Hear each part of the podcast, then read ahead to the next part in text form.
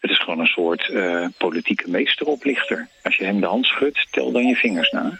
Uh, want hij is niet te vertrouwen. Voelt u zich nu beschadigd? Ja, natuurlijk voel ik me beschadigd. Ik voel me weer beschadigd, ja. What do you do? Dit is Vogelvrij, een podcast van Jiri Glaap van RTV Utrecht. En Lisa Dekker van RTV Stichtse Vecht. Een verhaal over Sjoerd Zwanen. Sjoerd Zwanen, non de Pieter. Dat is 100 jaar geleden.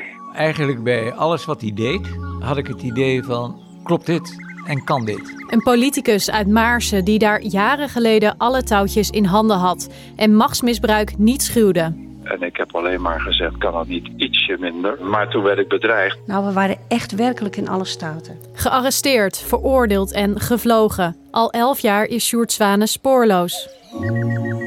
Je gaat je afvragen, zal hij zich gewoon tijdelijk schuilhouden? Is hij bang voor publiciteit? Hij is van zijn voetstuk gevallen.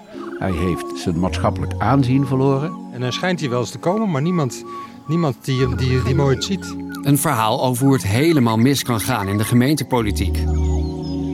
Ik heb bij de waarnemend burgemeester, ook bij, eh, bij eerdere burgemeesters wel eens aangegeven van let op, shoot is wel weg, maar het netwerk is er nog. Nou, never een dull moment, hè, zou ik zeggen. Luister vanaf zaterdag 5 maart naar Vogelvrij via rtvutrecht.nl slash vogelvrij of in je favoriete podcast-app. Ik zal je één verhaal vertellen.